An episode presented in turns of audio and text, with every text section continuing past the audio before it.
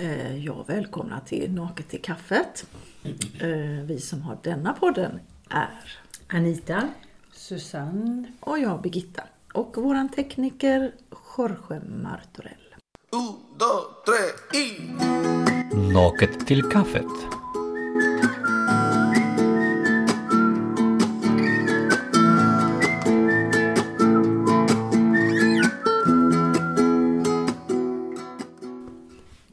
Vi igång.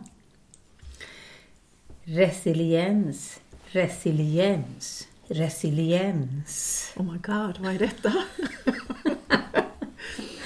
Ja, alltså resiliens, det är, det, man kan få lite olika översättningar eller betydelser, men det handlar liksom om förmågan att stå emot och klara av svårigheter. Också att kunna liksom återhämta sig och vidareutvecklas på något sätt. Eh, Men jag var nämligen på en, en uppstartsdag för elevhälsan där man pratade om detta. Och nu skramlar det jättemycket här. Susanne vill så gärna ha choklad. Och nu måste hon dela med sig till mig bara för det. Tack. Ja.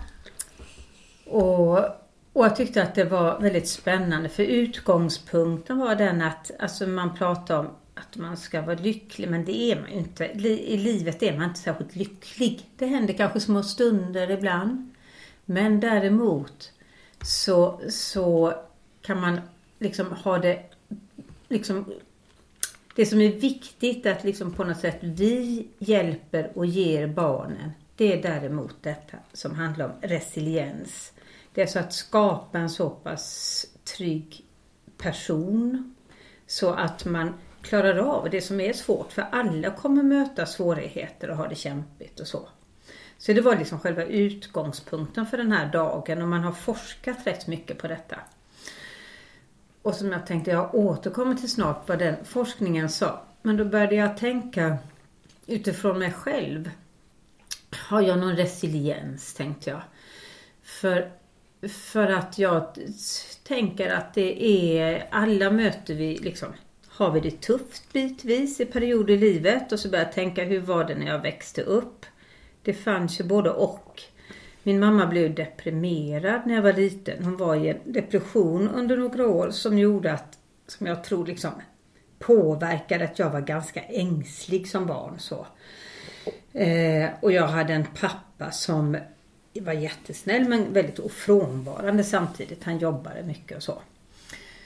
Och när jag liksom började tänka tillbaka, jag hade ju liksom inga vänner när jag var barn. Alltså jag minns bara att jag lekte själv. Jag måste kanske ha haft någon, men då gick man ju inte på förskolan.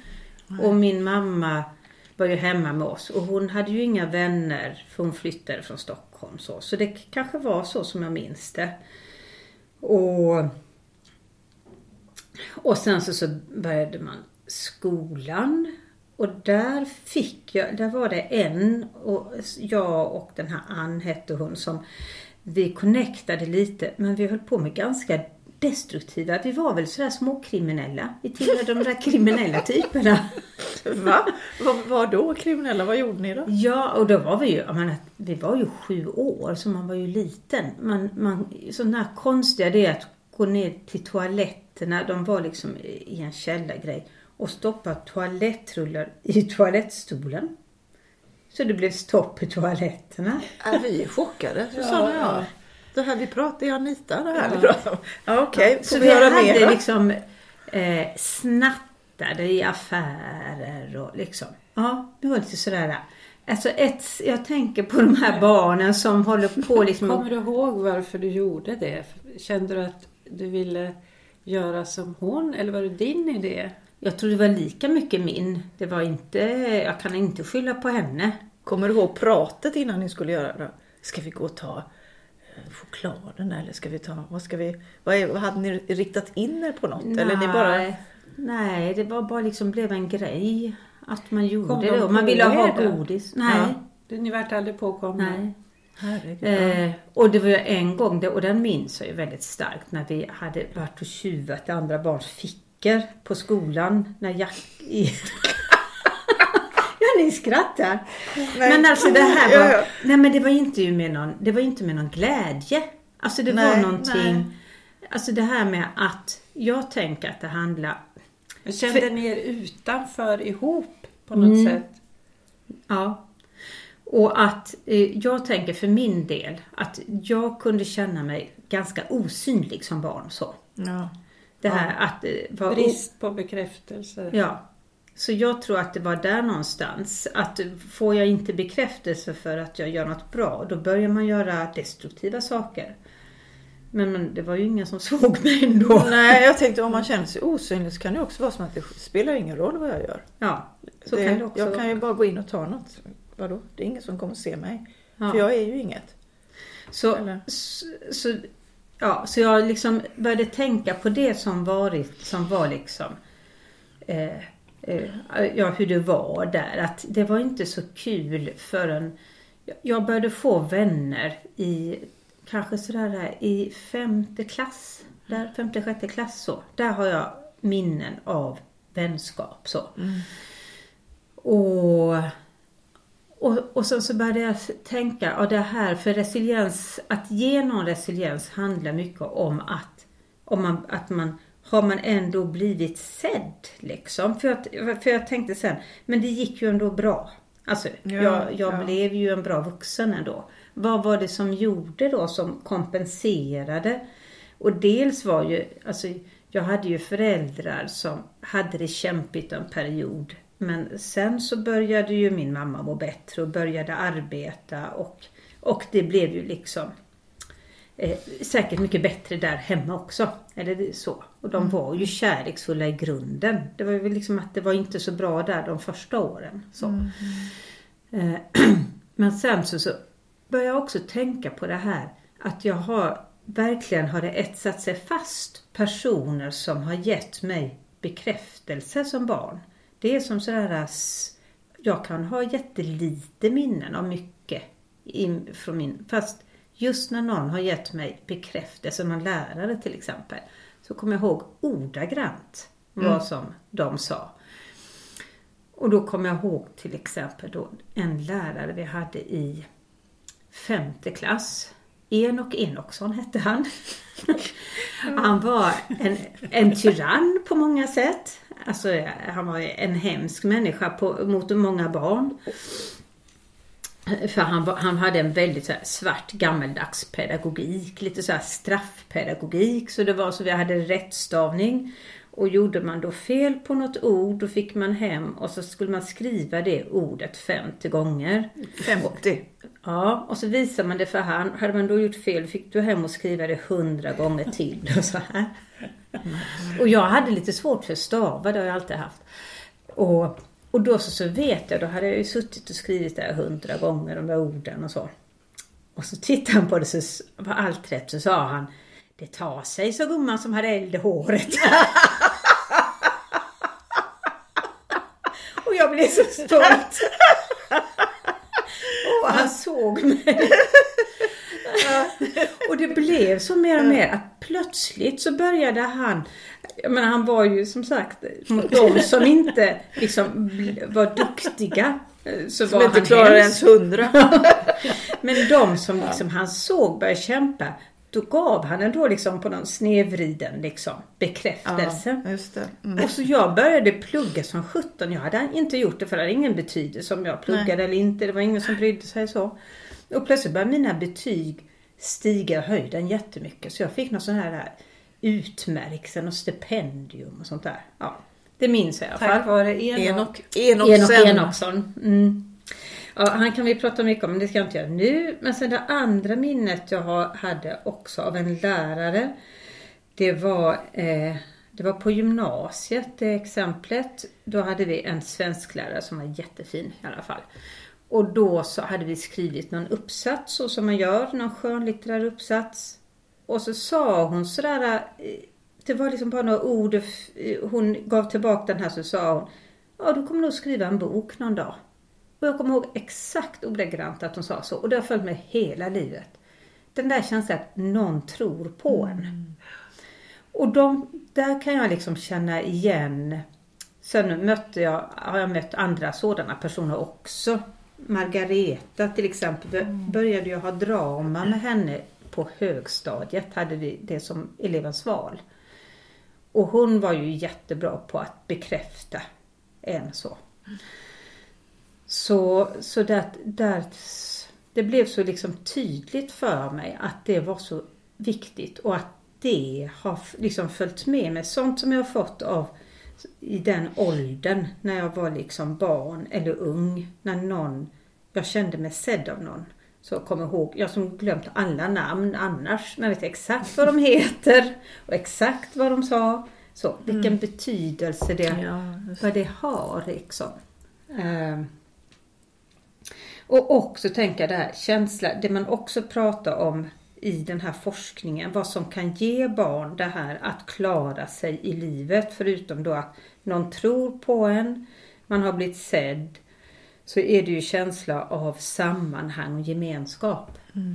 Och det var ju det som, som jag upplevde i den här då teaterdramagruppen som följde mig i massa år så.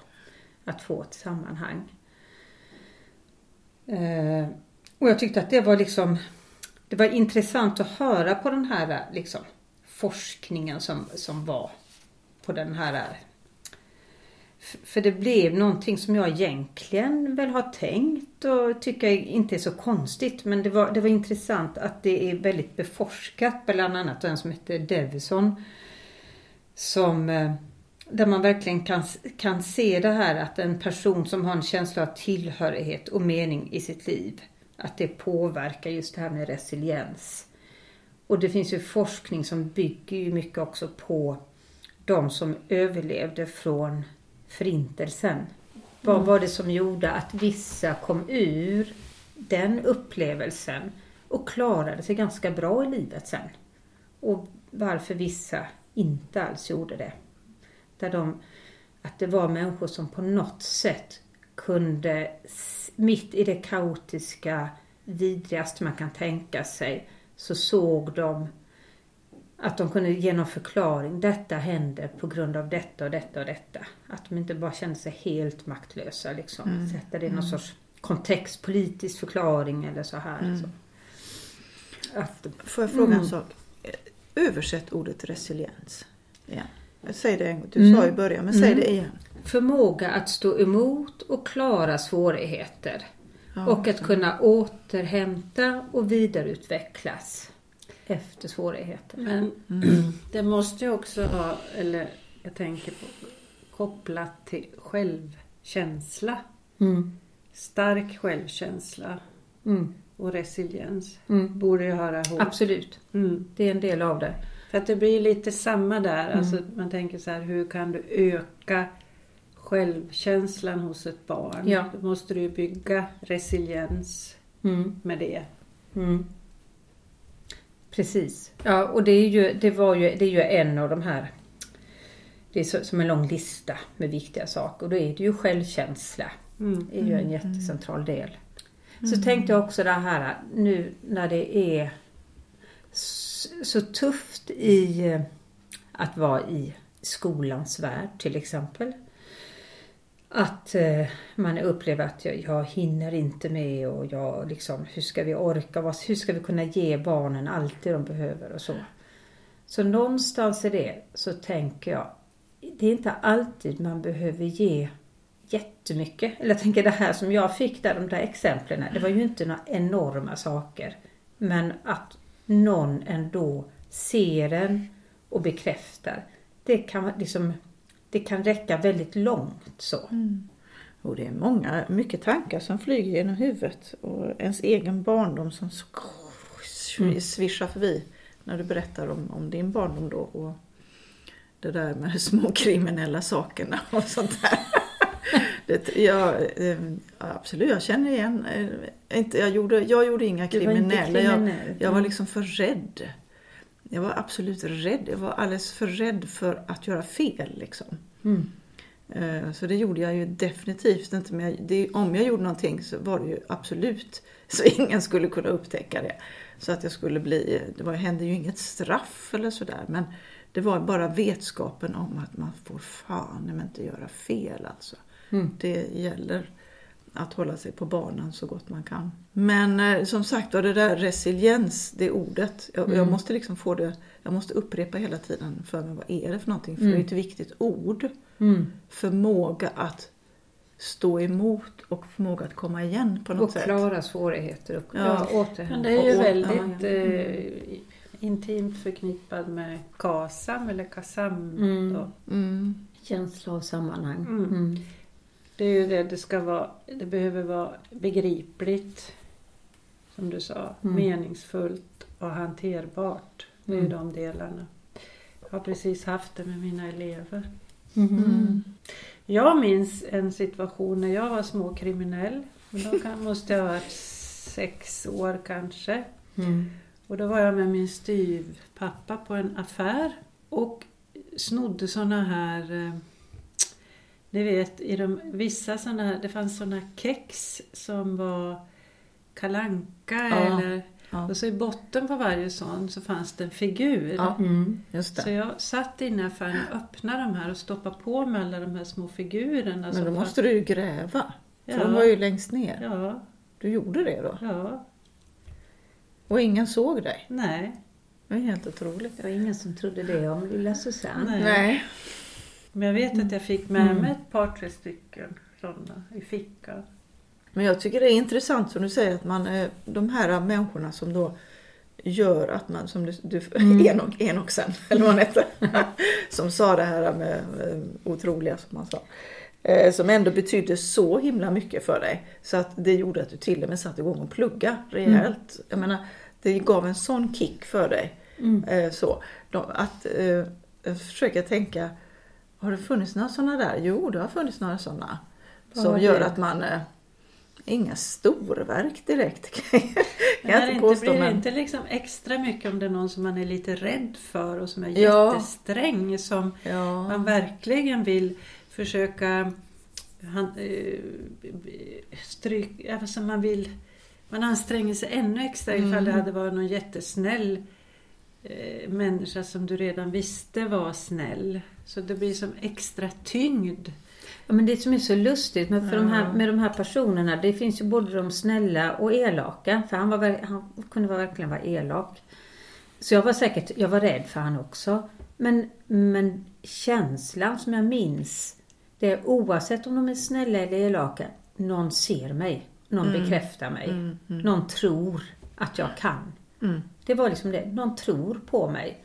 Och sen var den elak, den var snäll. Men det var skitsamma. De tror på mig. Nej, det är ju inte skitsamma såklart om någon är Nej, elak. men jag tänker att det men- kanske var värt extra mycket eftersom det var så svårt att, för hon, att få något gott ur honom. Så Mm. blev det värt extra mycket. Jag vet Mm. Mm. Everybody wants to go home now. Naket till kaffet. Everybody's checking I call bullshit. The night is young. My drug of choice, and I sure ain't. Men eh, det betyder mycket de där eh, sakerna, att bli bekräftad lite smått eller stort så. Mm. Och Margareta var ju också en som vi var väl ett gäng sådana där Mm. som behövde bekräftelse allihop och som behövde någon som såg en. Hon var ju fenomenal på det där att eh, just bekräfta Mm. eh, att man var något, eh, att man hade något speciellt liksom eller så. Alla hade någonting. Så. Mm. Så det betyder ju absolut jättemycket. Eh, så jag tänkte, ja, men det är helt jävla otroligt att jag ändå är den jag är idag. Det- Då, med tanke på den där andra, det där utta, eh, som jag såg, det här uttalandet. Så man tänker alla de eh, Birgittorna Mm. ur mitt liv som då skulle stå och säga någonting sånt eh, till mig då att jag är stolt över det. Alltså, Du får nog säga vad det ja, är. jag vet inte om jag ska göra det nu. Ska jag göra det? Nej. nej jag Ja, inte det. förstår man ju inte. Vad Ja men det är. jag ska ju, aha, Du kanske tar det på svenska. Ja, det kanske jag kan göra. Eller, eller det blir lite, svenska blir så fånigt språk på något sätt. Men skitsamma, det kommer, ja. Men det betyder ju, jag tycker det bara är otroligt, hur i helvete har det gått så ändå ganska bra ändå? hur har det lyckats? Har det varit då just för de här små sakerna, någon som har sagt något? Nu kommer jag inte direkt ihåg så som du har tydligt minne av några. Men absolut, det har alltid funnits någon. Eh, Jag har haft extra, ganska extra mammor, mina kompisars mammor. Eftersom min egen mamma var ju noll mamma. Det var ju liksom noll av mammakvalitet. Det var absolut inte kärlek och det var, absolut, och det var bara helt knäpp grejer. Och jag fick vara förälder tidigt själv eh, till mina syskon och alltihopa så. Så där fanns ju ingenting med familj Nej. att hämta utan jag hade andra mammor som såg mig. Mm. Absolut, och de betydde ju mycket. De här liksom vänliga ansiktena. Som, eh, Blicken Bli- är ju otroligt viktig. Men mm. de har gjort forskning på det här med maskrosbarn. Ibland kan det räcka med kassörskan på ICA som bekräftar. Mm. Um, som man alltid ska komma ihåg sen. Men jag funderar på då, vi säger så här att vi minns det för att vi har blivit så lite bekräftade och att man fick då någon gång ibland någon som sa något. Jag tänker på barn som hela tiden blir bekräftade. För idag har man ju också en annan syn på att barnet ska vara så... Alltså, en del barn sitter ju på piedestalen nästan. Att de är åh, åh, det ska, allt ska tillfredsställas. Och så blir man bekräftad i allt. Men det verkar ju inte alltid heller ge det resultatet att man får en stark självkänsla för det. Så att det är inte helt Nej. lätt. Nej, Mm. nej, det, Nej. nej. Hur, ska, hur ska man vara? Om man alltid får Bra. sin... Eh, blir bekräftad Mm. och eh, man får sin vilja igenom och... Jag vet inte. Ja, nej, jag förstår nej. precis vad du menar. Att det då till slut vattnas, saker kan ju vattnas ur betydelsen. Om man säger något precis hela tiden. Åh vad bra det är, åh vad bra. Då, Ja. Till slut så betyder det ju inget.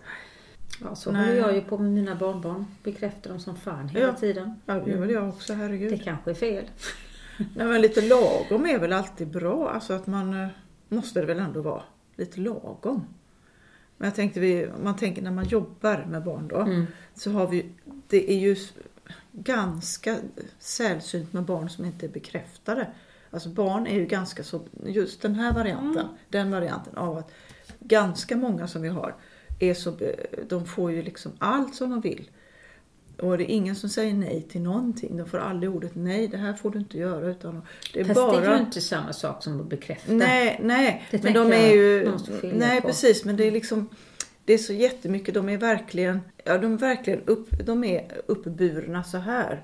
Så att det är ingen enda svårighet. Allting blir väldigt svårt på något konstigt sätt. Mm. För dem. Och de är så känsliga och de är så... Och får de inte, sin upp, får de inte det som de vill nu så blir det... Det är ofattbart liksom. De tycker det är jättegott. Vadå, varför får inte jag? Nu, jag vill. Lyssna på mig nu. Hallå? Du ska läsa en saga för mig nu. Nu vill jag höra den. Och nu vill jag ha den bilen. Och det är liksom noll eh, att man inte, man har inte tålamod att vänta någonting. Det är som att det har urvattnats massa grejer det här med tålamod. Eh, Mm, och då är frågan då, vad får man för motstånd då? Och klara av svåra situationer. Det får man ju inte.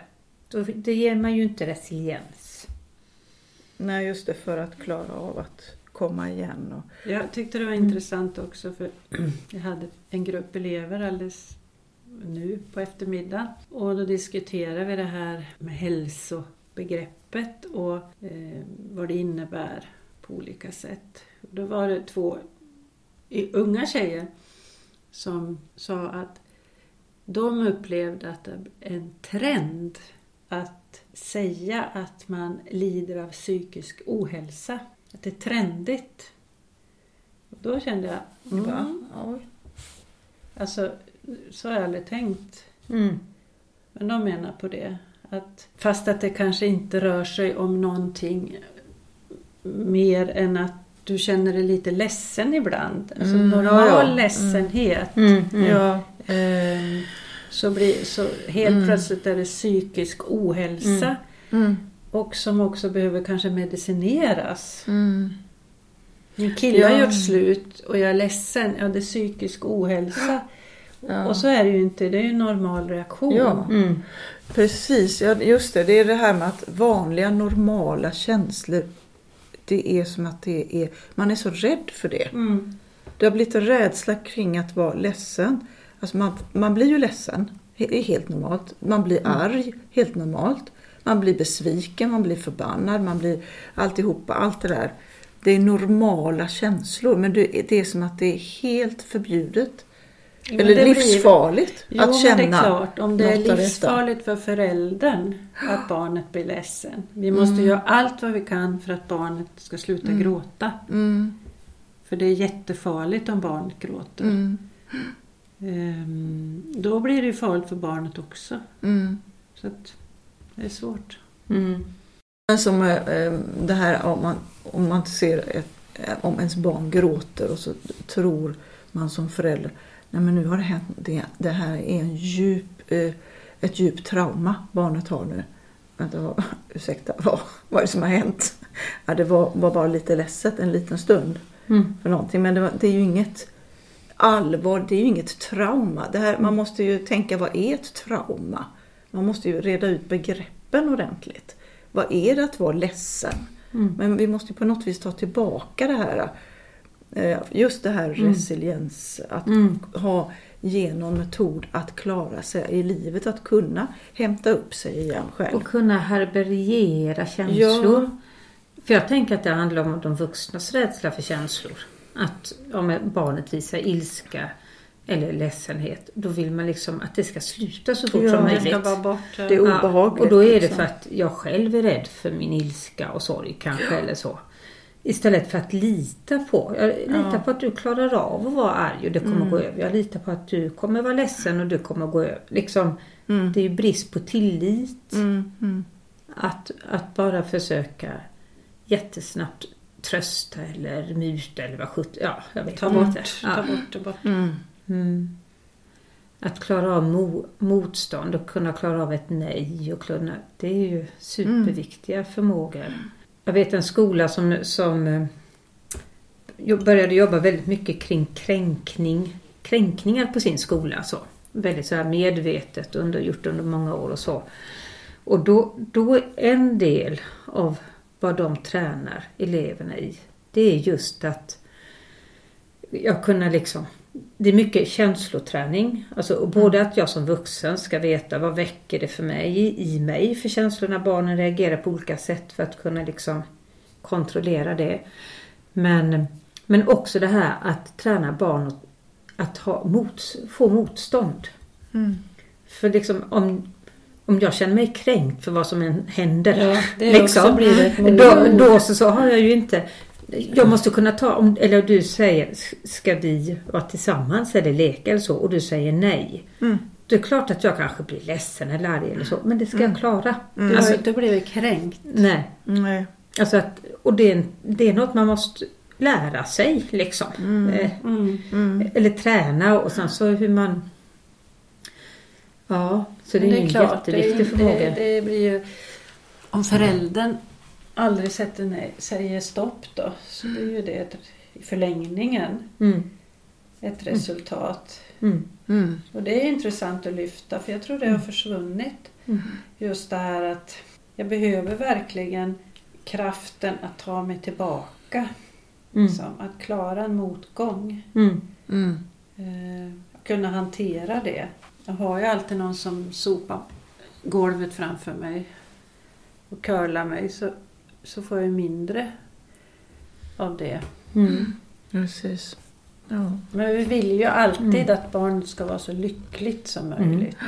Men, men det är jäkligt dubbelt. Jag tänker du hade ju också tufft Susanne, ditvis. Liksom. Mm. Och det är ju inte något som man önskar sitt barn och barn. Eller Nej. liksom. Nej. Och ändå har det gjort dig väldigt stark. Mm. Tänker jag. Om det är det som har gjort dig Eller- stark eller om det är, vad, är det som gör en stark? Det är det som är intressant. Hur, hur klarar man sig? Är det liksom... Eller ja, Är det- det... är ju kanske inte det som jag sa, men att man efteråt om man har, har ändå haft tillräckligt mycket av det goda som man har tagit sig igenom en svårighet. Så efteråt så tänker jag ändå att jag tänker ju att det som var kämp som jag brottades med och som var jobbigt det har jag sen kunnat vända till en förmåga att kunna se till exempel hos andra barn i mitt yrke. Att kunna se de osynliga barnen till exempel. Men det är ju inte med automatik liksom att motgångar blir styrka. Ja. Nej. Nej. Nej. Förut så sa man i alla fall i Norrland att man blir bortklemad. Ja. Det är många norrländska visdomar. Ja, Man blir pelig. man blir pelig. Ja, ja. Jo men det är, väl- Ligger finns väl något ett... i det faktiskt. Ja. ja, livet är hårt, fy fan. Fast det är ju också, alltså egentligen så är det ju ett normalt, om vi säger så här, en normal förälder, good enough, eh, som måste sätta stopp och måste säga nej. För att om det ska fungera, man inte ska vrida in och ut på sig, då får ju barnet motstånd. Mm. Och eh, framförallt när man inte alltid kan vara den bästa föräldern. Mm. Man kan inte alltid vara det. Nej. Så får man ju tänka då att ja, men det är faktiskt bra. Mm. Ehm, så att har man varit lagom bra Mm. så får barnet lite motstånd. Mm. Och har man varit för jävla perfekt då går det åt skogen. Ja, det är inget bra. Vilken tur att vi inte är helt perfekta. Nej, där, där är man ju inte. Det kan, det, så mycket kan vi säga i alla fall. Mm. Ja, Mm. men det är intressant. Mm. Jag vet att, jag tror att både på engelska och spanska så använder man det ordet ganska mycket, resiliens. Men Mm. för oss är det... Mm. Ja, det är Eh, absolut inte använt det ordet alls. För att jag tänkte först just på det här att är det inte samma som självkänsla? Men det är det ju inte. Därför att självkänslan är ju en del och det är en viktig komponent. Men det blir ju mer en, en förmåga att handskas Mm. med, med motgångar. Mm, just det. Och det kanske du kan göra ändå även eh, med Mm. sämre självkänsla. Jag vet inte. Mm. Jag vet, de hade ju en, en sorts karta på olika egenskaper man har sett varit främjande för detta. Och då är ju till exempel humor en sådan. Ja, det kan jag tänka mig. Mm. Svart humor. Mm. Så, så det, är ju, det, är ju som, det är ju förmågor, eller flera förmågor som kommer, i, kommer ihop sig liksom. Och man kanske inte har alla men man kan ju ha mycket humor utan att ha självkänsla kanske. Ja, men Mm. humor innebär ju ändå att du måste ha lite självdistans. Ja, för det är då det blir kul. Ja. När det är... Ja, som sagt var, det här är mycket att tänka på. Eh, Uppfostra era barn lagom. Ja, ja, precis. Och man får lov att säga nej. Det är ju ingen katastrof.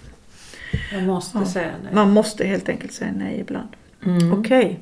Och sen så när man då har blivit så här gammal som vi är, gamlingar, så har vi ju alla våra åldrar.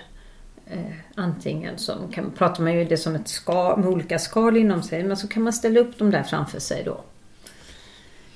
Det De vara olika åldrarna. sina olika åldrar. Där är Susanne som fyraåring och som tioåring och som femtonåring och 30-åring och så.